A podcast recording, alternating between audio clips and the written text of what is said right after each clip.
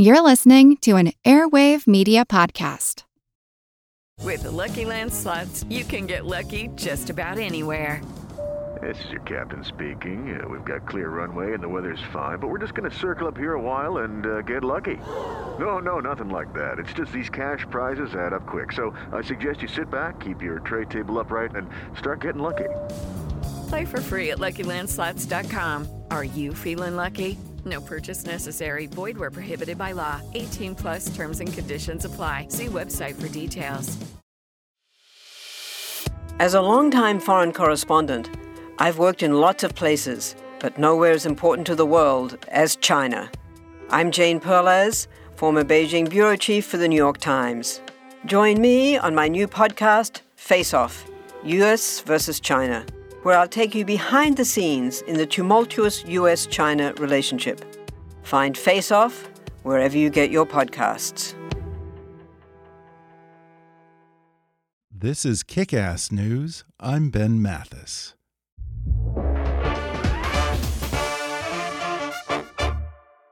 Hi, I'm Ben Mathis. Welcome to Kick Ass News. For more than four decades, Pulitzer Prize winning columnist and conservative icon George Will has attempted to discern the principles of the Western political tradition and apply them to America's civic life. Today, the stakes could hardly be higher. Vital questions about the nature of man, of rights, of equality, and of majority rule are bubbling just beneath the surface of daily events in America. Conservatism is under threat both from progressives and elements inside the Republican Party. America has become an administrative state while destructive trends have overtaken family life and higher education. Semi autonomous executive agencies wield essentially unaccountable power. Congress has failed in its duty to exercise its legislative powers, and the executive branch has slipped the Constitution's leash. Now, in a monumental new reflection on American conservatism, George Will explains how the Founding Fathers' belief in natural rights created a great American political tradition and why that tradition now finds itself under threat. It's titled The Conservative Sensibility, and today George Will comes on the show to talk about the book that he says has been ruminating in him ever since his college days at Princeton. He answers the fundamental question what is it that conservatives mean to conserve, suggests that modern conservatives are losing sight of that purpose, and warns that the movement is endangered by political intoxication and a very different brand of European style conservatism. George Will takes on the hypocrisy of Christian conservatives and the whole but Gorsuch argument for Trump and makes the case that secularism and conservatism are actually quite compatible. He extols James Madison's belief in the importance of natural rights and the government's role in protecting them, and condemns his fellow Princetonian Woodrow Wilson as the enemy of natural rights and the president who did the most to unravel the founder's vision. Then, this legendary conservative thinker discusses his decision to change his political affiliation from Republican to Independent in 2016, why he just can't make the leap to join the Libertarian Party, and why he believes conservatives would be better off voting for Joe Biden than Donald Trump in 2020. Plus, this avid baseball fan shares his philosophy that baseball is the ultimate expression of democracy on the field. Coming up with George Will in just a moment.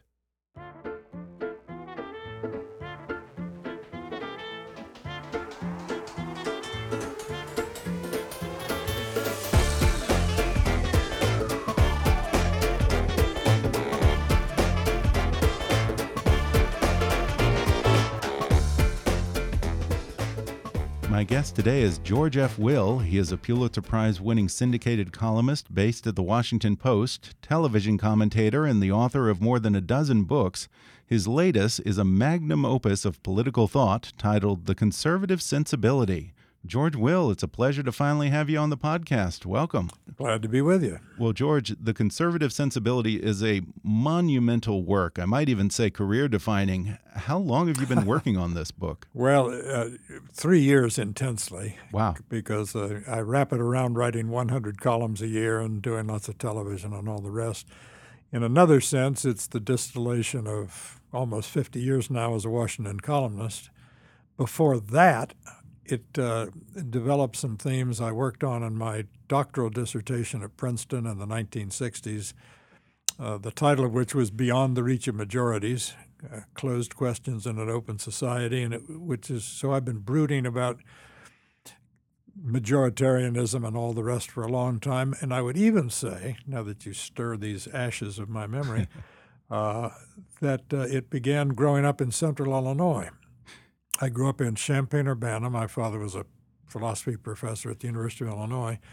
And according to local lore, it was in the Champaign County Courthouse that Abraham Lincoln learned of the passage of the Kansas Nebraska Act in, in 1854. And it was his recoil against this, against the idea that we should settle the slavery question in the territories by popular sovereignty, voted up or voted down, uh, that defined Lincoln, uh, who I think was thereby launched onto the greatest career in the history of world politics. So, a long time is the answer to your question. well, George, I've heard of the conservative mind, I've heard of the conservative heart and the conscience of a conservative, but what is the conservative sensibility? Well, by sensibility, I mean more than an attitude, but less than an agenda. My intention is not to tell people what to think, but to suggest how to think in, in a conservative way. A sensibility is defined by how you respond to complex societies and the flux of, uh, flux of events in society. Mm-hmm. Are you comfortable with what Hayek called the spontaneous order of a market society, or are you not?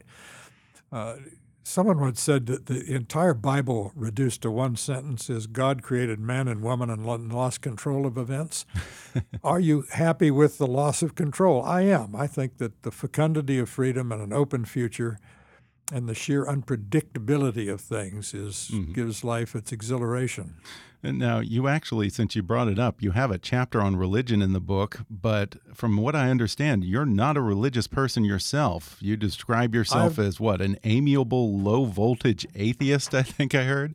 Quite right. My my grandfather on my father's side was a Lutheran minister. My father, I'm tempted to say, therefore, my father was secular. Uh, having seen quite enough of the inside of churches, and he was a philosopher. He'd, he used to sit outside Pastor Will's study, and he'd hear the pastor and some of his more reflective uh, members of his congregation trying to reconcile free will and grace. Hmm. and it was puzzles like this that turned my father into a philosopher. I grew up in a, in a completely secular home. It just really as, as it never entered the conversation, and I've never felt any need for the hypothesis of theism.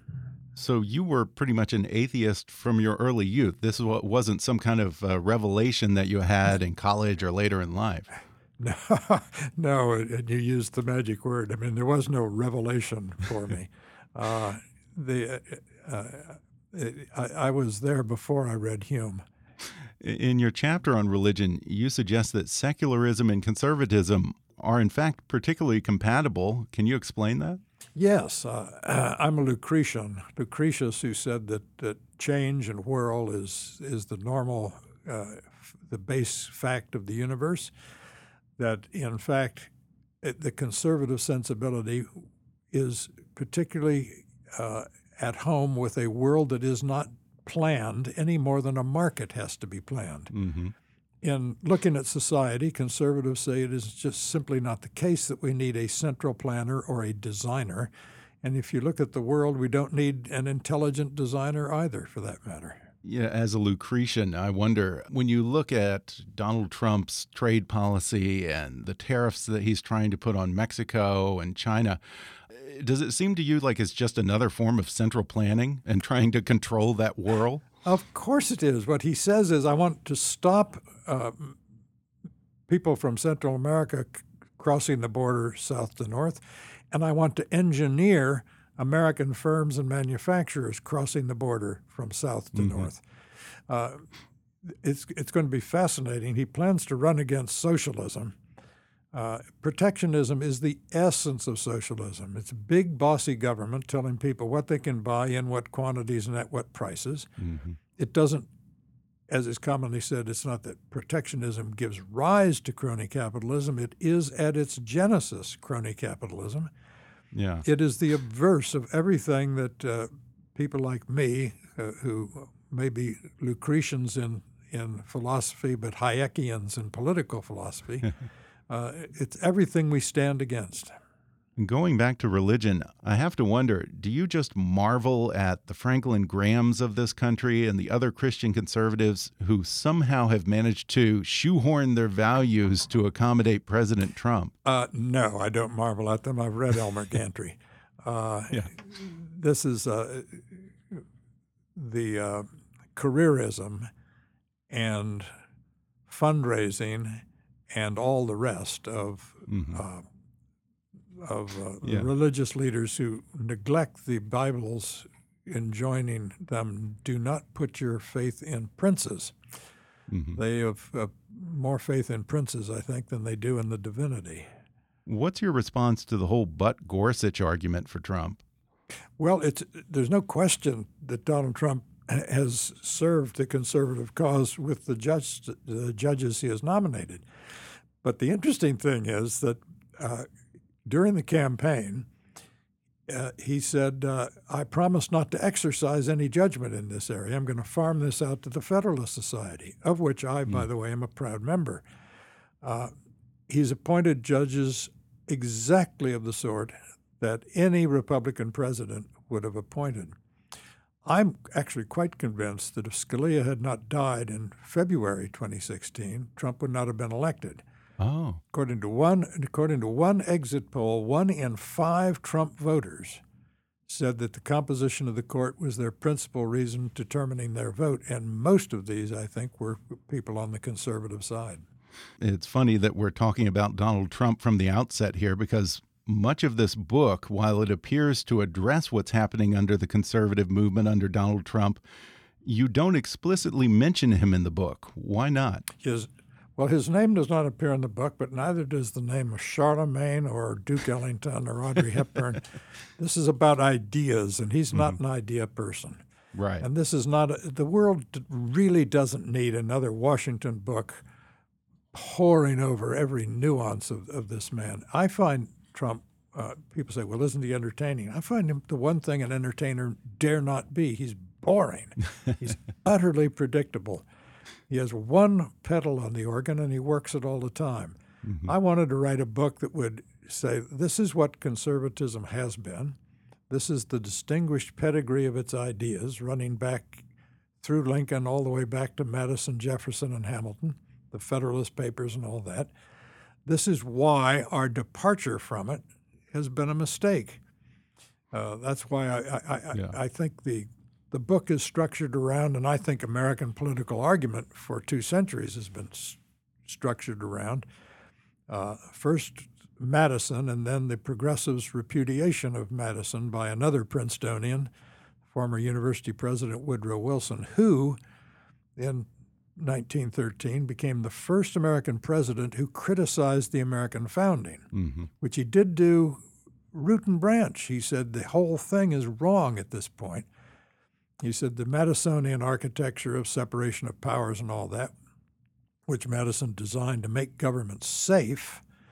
Uh, he, Wilson said, well, that was fine when we were a small country with uh, 80% of Americans living within 20 miles of Atlantic tidewater, but now we're a great nation united by steel rails and copper wires, and we need a government, not a safe government, but an energetic, nimble, to use one of Wilson's favorite adjectives, a nimble, strong government under the leadership of an emancipated, unconstrained executive, mm-hmm. which is what we've got today. And if everyone's happy, then so be it. I don't think they should be. Yeah, to the extent that there's a villain in the conservative sensibility, you name President Woodrow Wilson. Uh, George, did you feel any guilt about calling out your fellow Princeton man?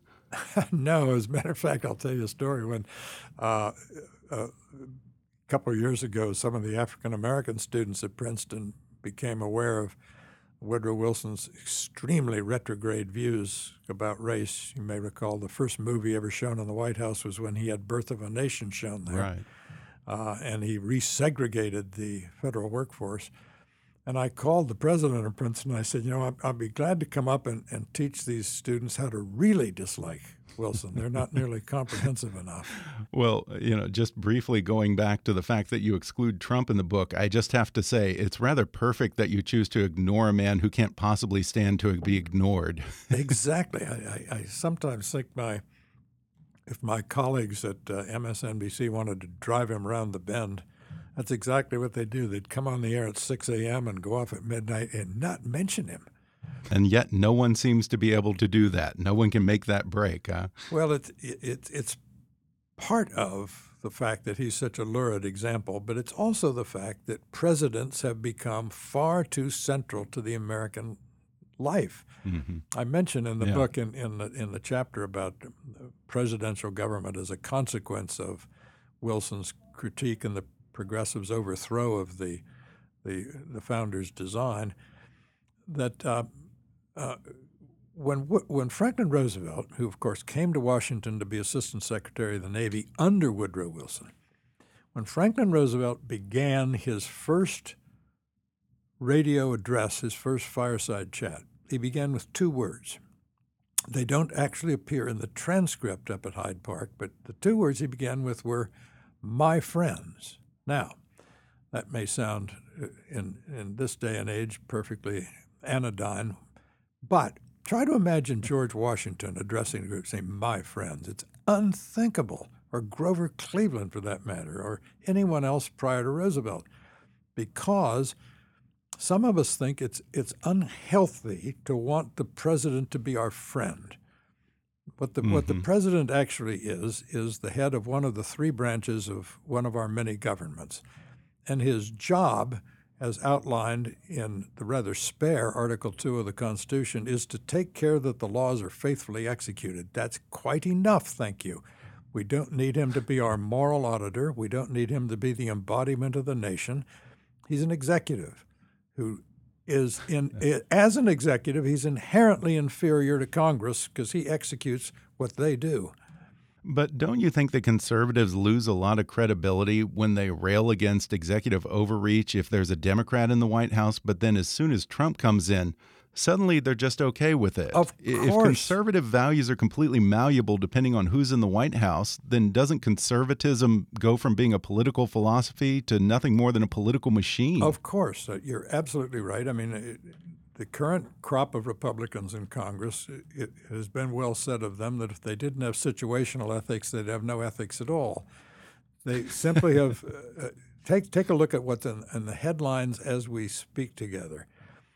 At long last, there's a pulse in Congress, signs of intelligent life, because Republican senators seem to have been pushed too far by the idea of tariffs on Mexican goods, imports into the country. Now, think about this. Congresses under both parties have, for more than 80 years, been divesting themselves of their constitutional powers and giving them to presidents of both parties. The one thing Madison got wrong, he says in the Federalist Papers that le- the legislature will draw all power into its impetuous vortex, Madison's phrase.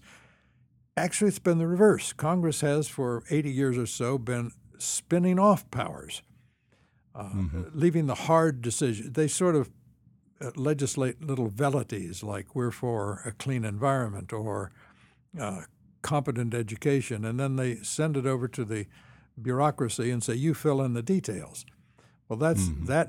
If the court were more robust in enforcing what used to be called the non-delegation doctrine, saying uh, we're sorry, you just cannot delegate powers that are assigned to you by the Constitution, we'd be much better off. I'll tell you a story. Mm-hmm. If you ever walk into the office of Mike Lee, the uh, very conservative, very able senator from Utah, you'll see two stacks of papers. One's about three inches tall, and those those are the laws Congress passed in a particular session.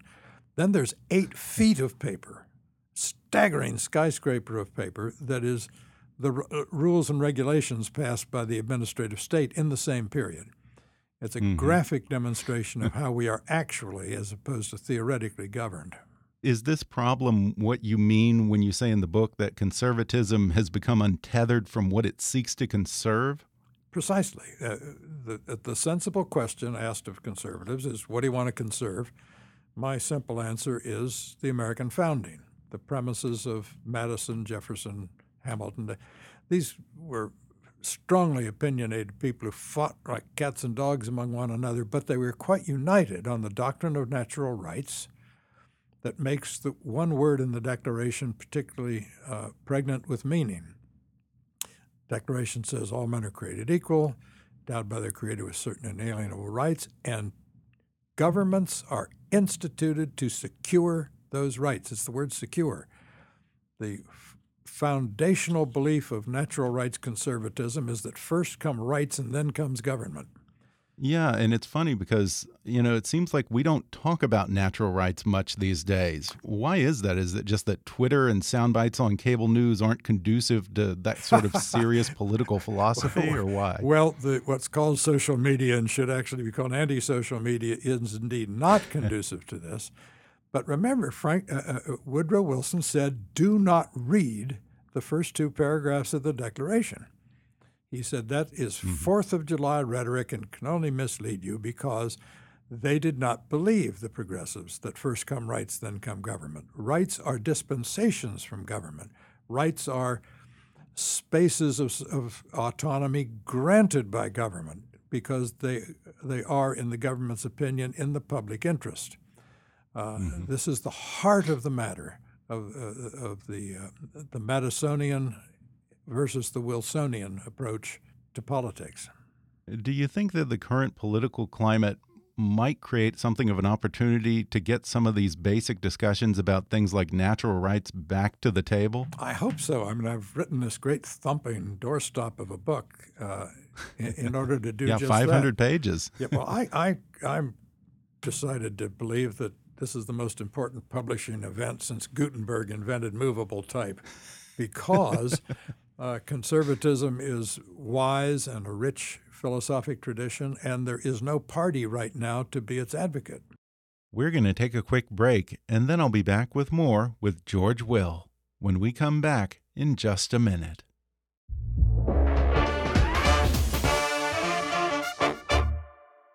If there's something interfering with your happiness or preventing you from achieving your goals, BetterHelp Online Counseling can help.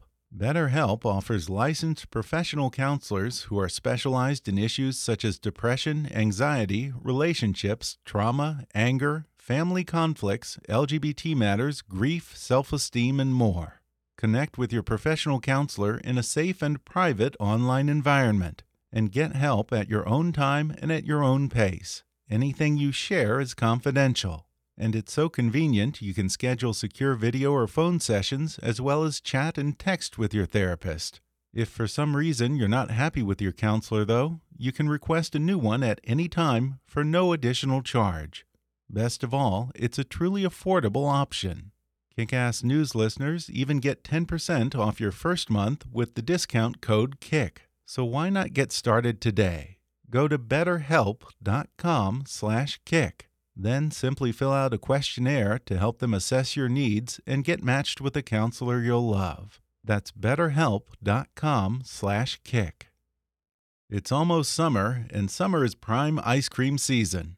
A day at the pool or a Saturday barbecue just aren't the same unless they're capped off with a bowl or a cone of Ben & Jerry's ice cream. For me, nothing beats the heat like a couple of scoops of Ben & Jerry's chocolate chip cookie dough, or three scoops on a really hot day, but then I'm always looking for any old excuse to enjoy ice cream. As a matter of fact, I got in a little bit of trouble with my wife a couple days ago because I snuck some Ben & Jerry's Cherry Garcia for breakfast. Take it from me, folks, the chocolate, the cherries, all that creamy deliciousness on top of a waffle with a little bit of syrup is how to start the perfect day. And here's another tip for you. When you put your Ben & Jerry's in the freezer, hide it behind a big bag of ice or some frozen veggies because everyone loves Ben & Jerry's and if you're not a little bit sneaky, I guarantee someone else is going to get to it before you do. Summer and Ben & Jerry's. At my house, the two go hand in hand.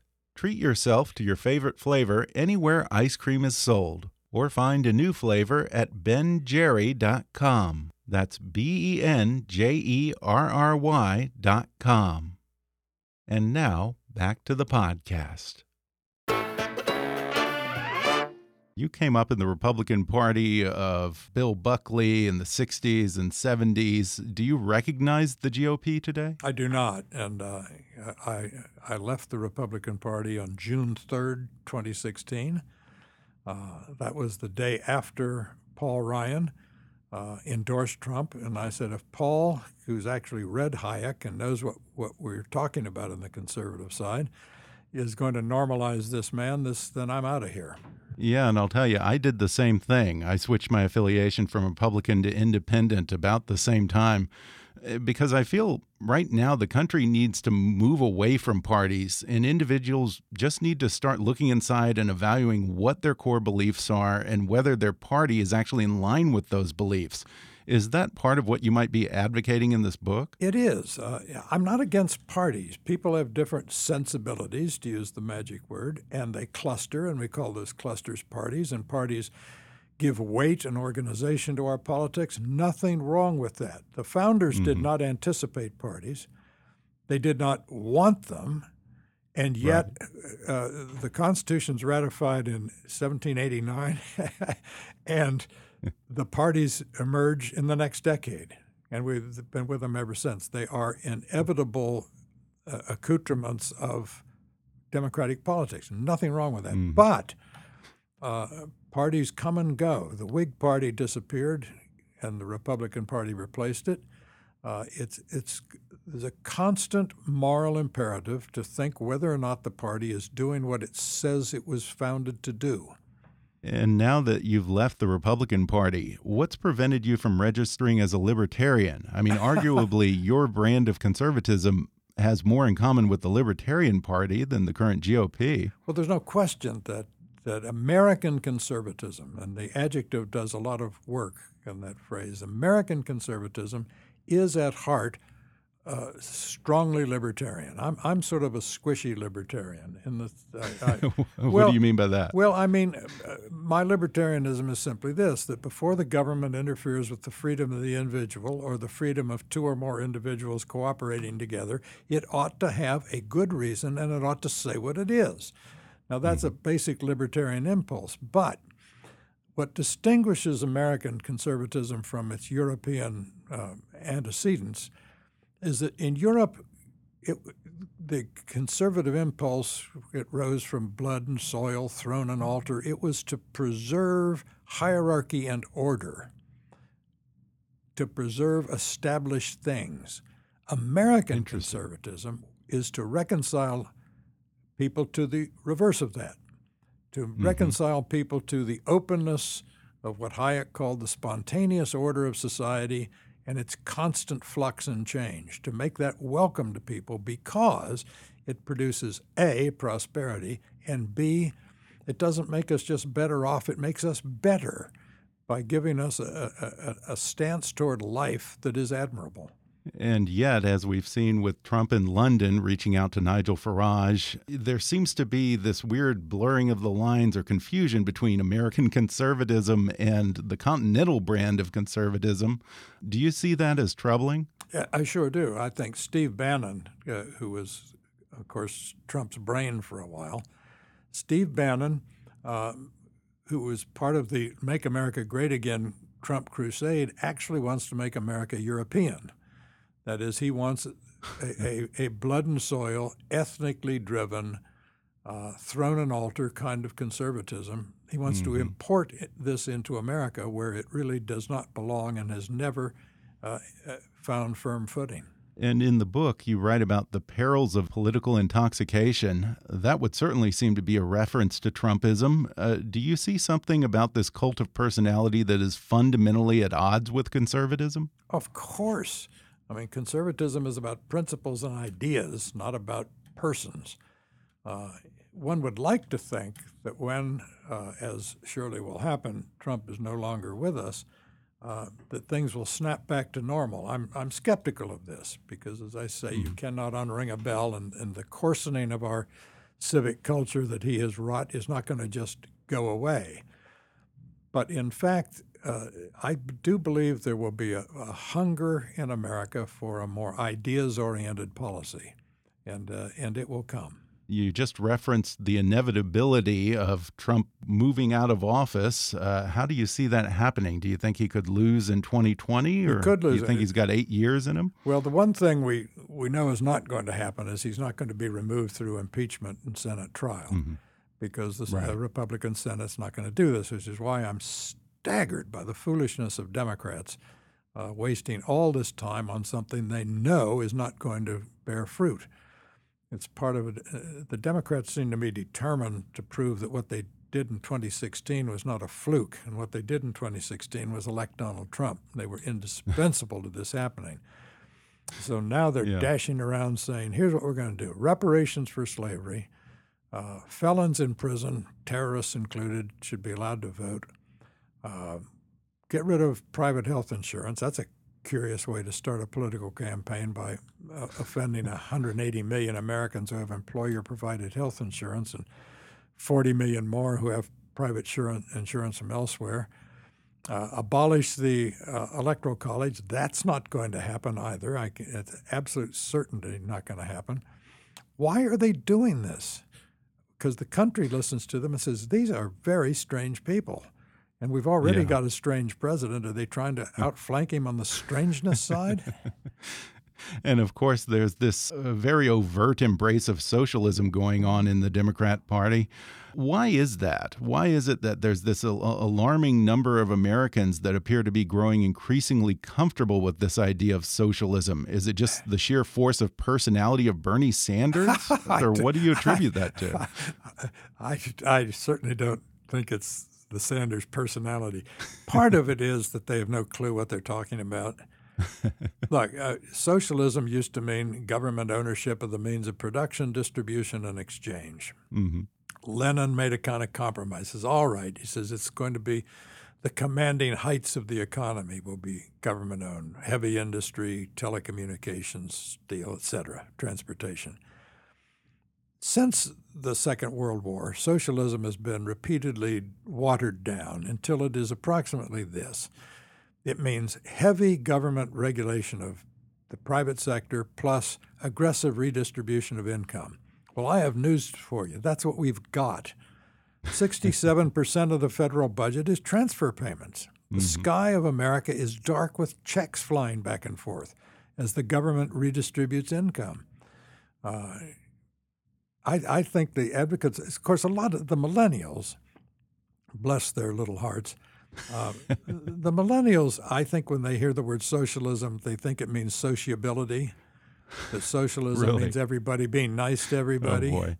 They don't th- they don't think of Hugo Chavez and they don't think of Havana and they don't think of North Korea or the East Bloc or all the places that socialism's been tried and found yeah. wanting.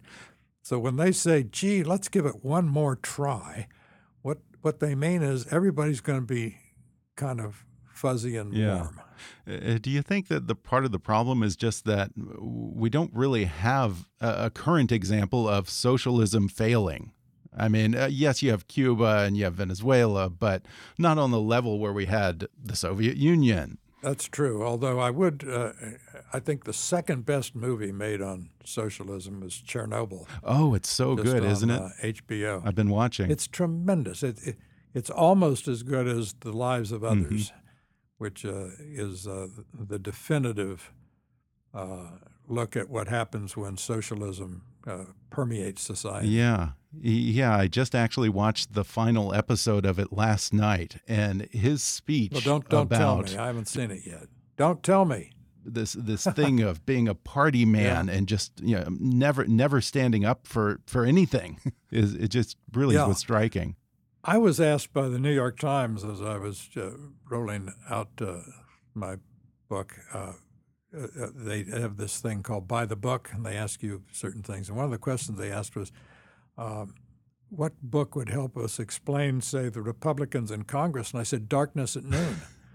uh, it's Arthur Koestler's wonderful novel about the, the purge trials in mm-hmm. Moscow in the late 30s. I think it came out in 1940.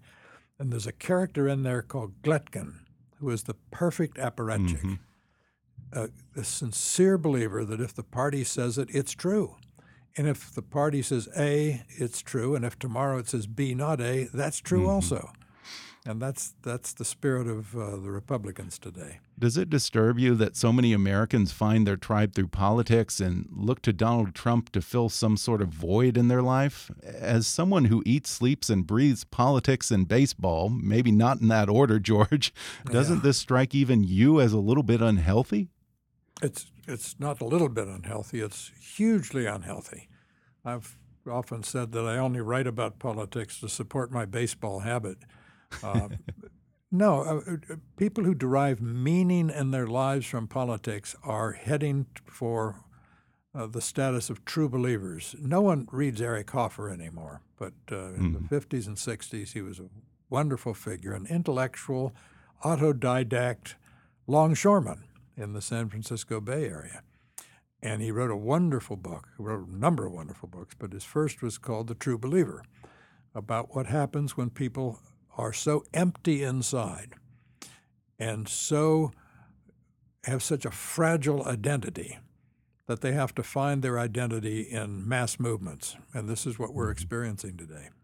Well, George, I have to ask about abortion. You've long been probably one of the most articulate advocates for the pro life movement. What do you think about some of the legislation being passed in places like Georgia and Alabama? Should a woman be forced to live with a child that's the product of rape and incest? No, no. no. Look, uh, when Pat Robertson, for Pete's sake, says Alabama's gone too far, Alabama should sit up and take notice. Uh, mm -hmm. No, look, I, I, I think it is dangerous to treat preborn infants at all stages of gestation as utterly lacking in moral significance. That's my foundational position. Uh, the idea that a, a, at no point in gestation does this living being have any more status than a hamburger or a tumor in the mother's stomach uh, is to me uh, not just dangerous, and not just offensive, but uh, philosophically untenable.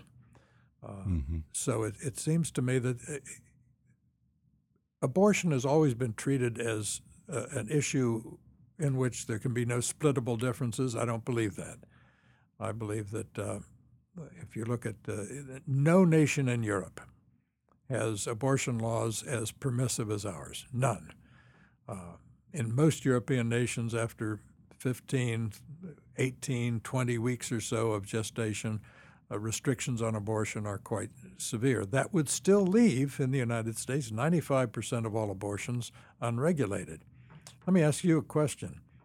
Suppose the number of months in the gestation of a human infant were a prime number 7, 11, 13, something. So the Supreme Court could not have concocted constitutional significance from the fact that nine is divisible by three. And first trimester, second trimester, third trimester. Think again. Think of a, an 11-month pregnancy. Does not tidily break down into trimesters. And I know that abortion is a personal issue for you because you had to face a similar decision when your son was born with Down syndrome many years ago. Did that shape your beliefs? I have a Down syndrome son who uh, is 47 years old and he works in the Washington Nationals clubhouse, which means he gets up in the morning and goes to a major league ballpark, which means he has a better job than I have. Yeah, uh, Dad must be very proud. when he was born uh, in 1973, on my birthday actually, in 1973, the uh, uh, someone at the hospital came in and said, "Well, the first thing you have to decide is whether you're going to take your child home." At that point, wow. Uh, it was considered uh, con- acceptable for people to say, oh, I'm sorry, this child's not convenient. Therefore, he'll be institutionalized, which is why, by the way, the life expectancy of Down syndrome people at, uh, when my son John was born was 20 years. As I say, really? he, well, they were neglected, they were not stimulated, they were warehoused in many cases. Uh, and uh, as I say, John's 47 and going strong. Wow. Uh, now, do you think that the more extreme legislation we're seeing in some states might actually end up hurting the pro life movement with mainstream Americans? I, th I think it will be uh, if the Republicans have any more suburban women to lose, this will help them lose them.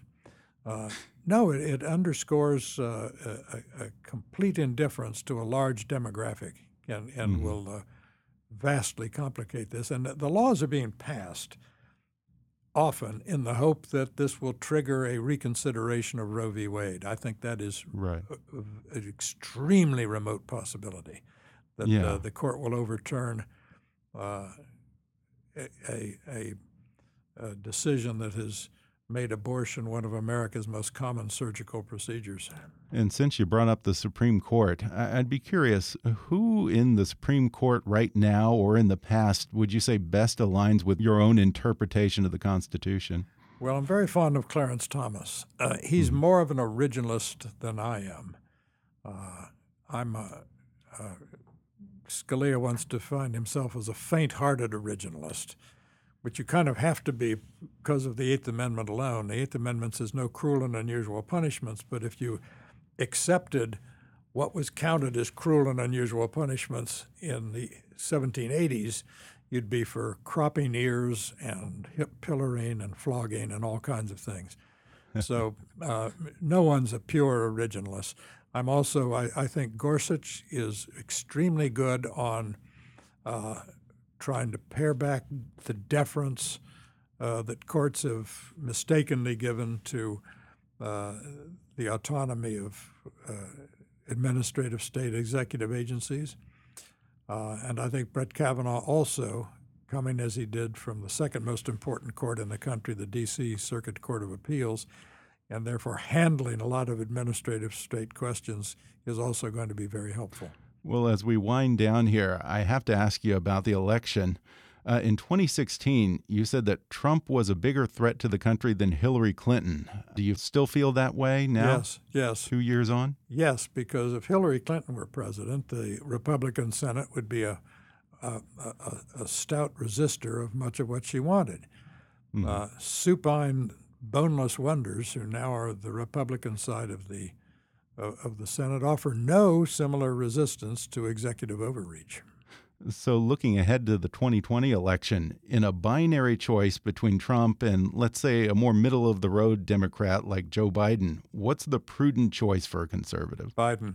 Really? That wow. is sure, because then uh, Republicans can go into principled, healthy opposition. To, mm-hmm. to, uh, uh, an opposition party is necessary in a, in a democracy.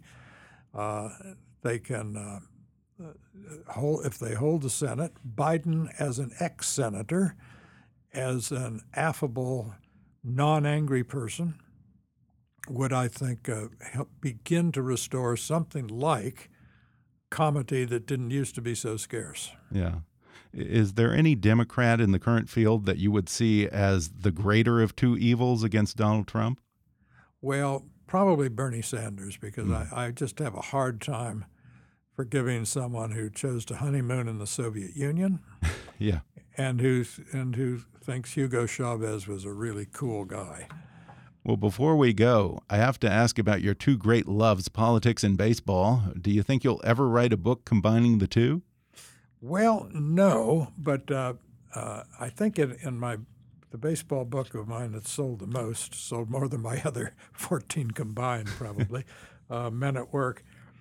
I do say that, I think I say it in there, that uh, democracy is the right sport for base for uh, baseball is the right sport for democracy because it's the sport of the half loaf. No one gets everything they want. There's a, an enormous amount of failure. Every team goes to spring training basically knowing it's going to win 60 games and it's going to lose 60 games. Yeah. and you play the whole season to sort out the middle 42. Yeah. it's a severe meritocracy. At the end of 162 games played in 183 days, you are what your record says you are. It's not a fluke. Uh, if you win 10 out of 20 games, you're definitionally mediocre. If you win 11 yeah. out of 20 games, you win about 87 games and you're on the outskirts of the playoffs. So it's uh, it's a, as I say, it's a severe test, and uh, and and uh, it, you you can't be a baseball fan unless you can put up with a lot of losing. But wait a minute, George. How do you explain Fidel Castro's baseball career? Well, uh, a he was overrated.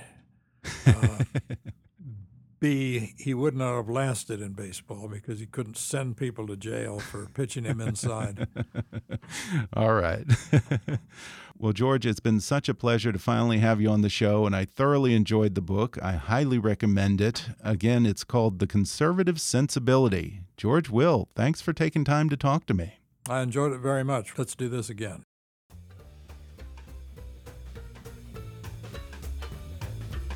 Thanks again to George Will for coming on the podcast. Order his new book, The Conservative Sensibility, on Amazon, Audible, or wherever books are sold. Follow him on Twitter at, at George Will and look for his regular column in the Washington Post. When I sit down to binge watch my favorite TV show or catch the newest episode, it's always better with a pint of Ben and Jerry's. For me, it has to either be chocolate chip cookie dough or chocolate fudge brownie, because really, when you think about it, you're getting two desserts in one. You get ice cream and cookies, or ice cream and brownies. What's better than that? And Ben & Jerry's has mastered the art of delicious flavor combinations. Cozy up with your favorite flavor, available anywhere ice cream's sold, or find a new flavor at benjerry.com. That's B E N J E R R Y dot com. Whatever struggles you're facing, from depression and anxiety to trauma and grief, BetterHelp can connect you with a professional counselor in a safe and private online environment. It's so convenient you can schedule secure video or phone sessions as well as chat and text with your therapist. And anything you share is completely confidential. Best of all, it's a truly affordable option. Kickass News listeners even get 10% off your first month with the discount code KICK. So why not get started? Simply go to betterhelp.com/kick and fill out a questionnaire to get matched with a counselor you'll love today. That's betterhelp.com/kick. Be sure to subscribe to Kickass News on Apple Podcasts if you haven't already, and if you like what you're hearing, then rate and review us while you're there. Five star reviews are the easiest way for new listeners to find us. Don't forget to like us on Facebook and follow us on Twitter at, at KickassNewsPod. And feel free to email me with your thoughts, questions, and suggestions at comments at kickassnews.com. Until next time, I'm Ben Mathis, and thanks for listening to Kickass News.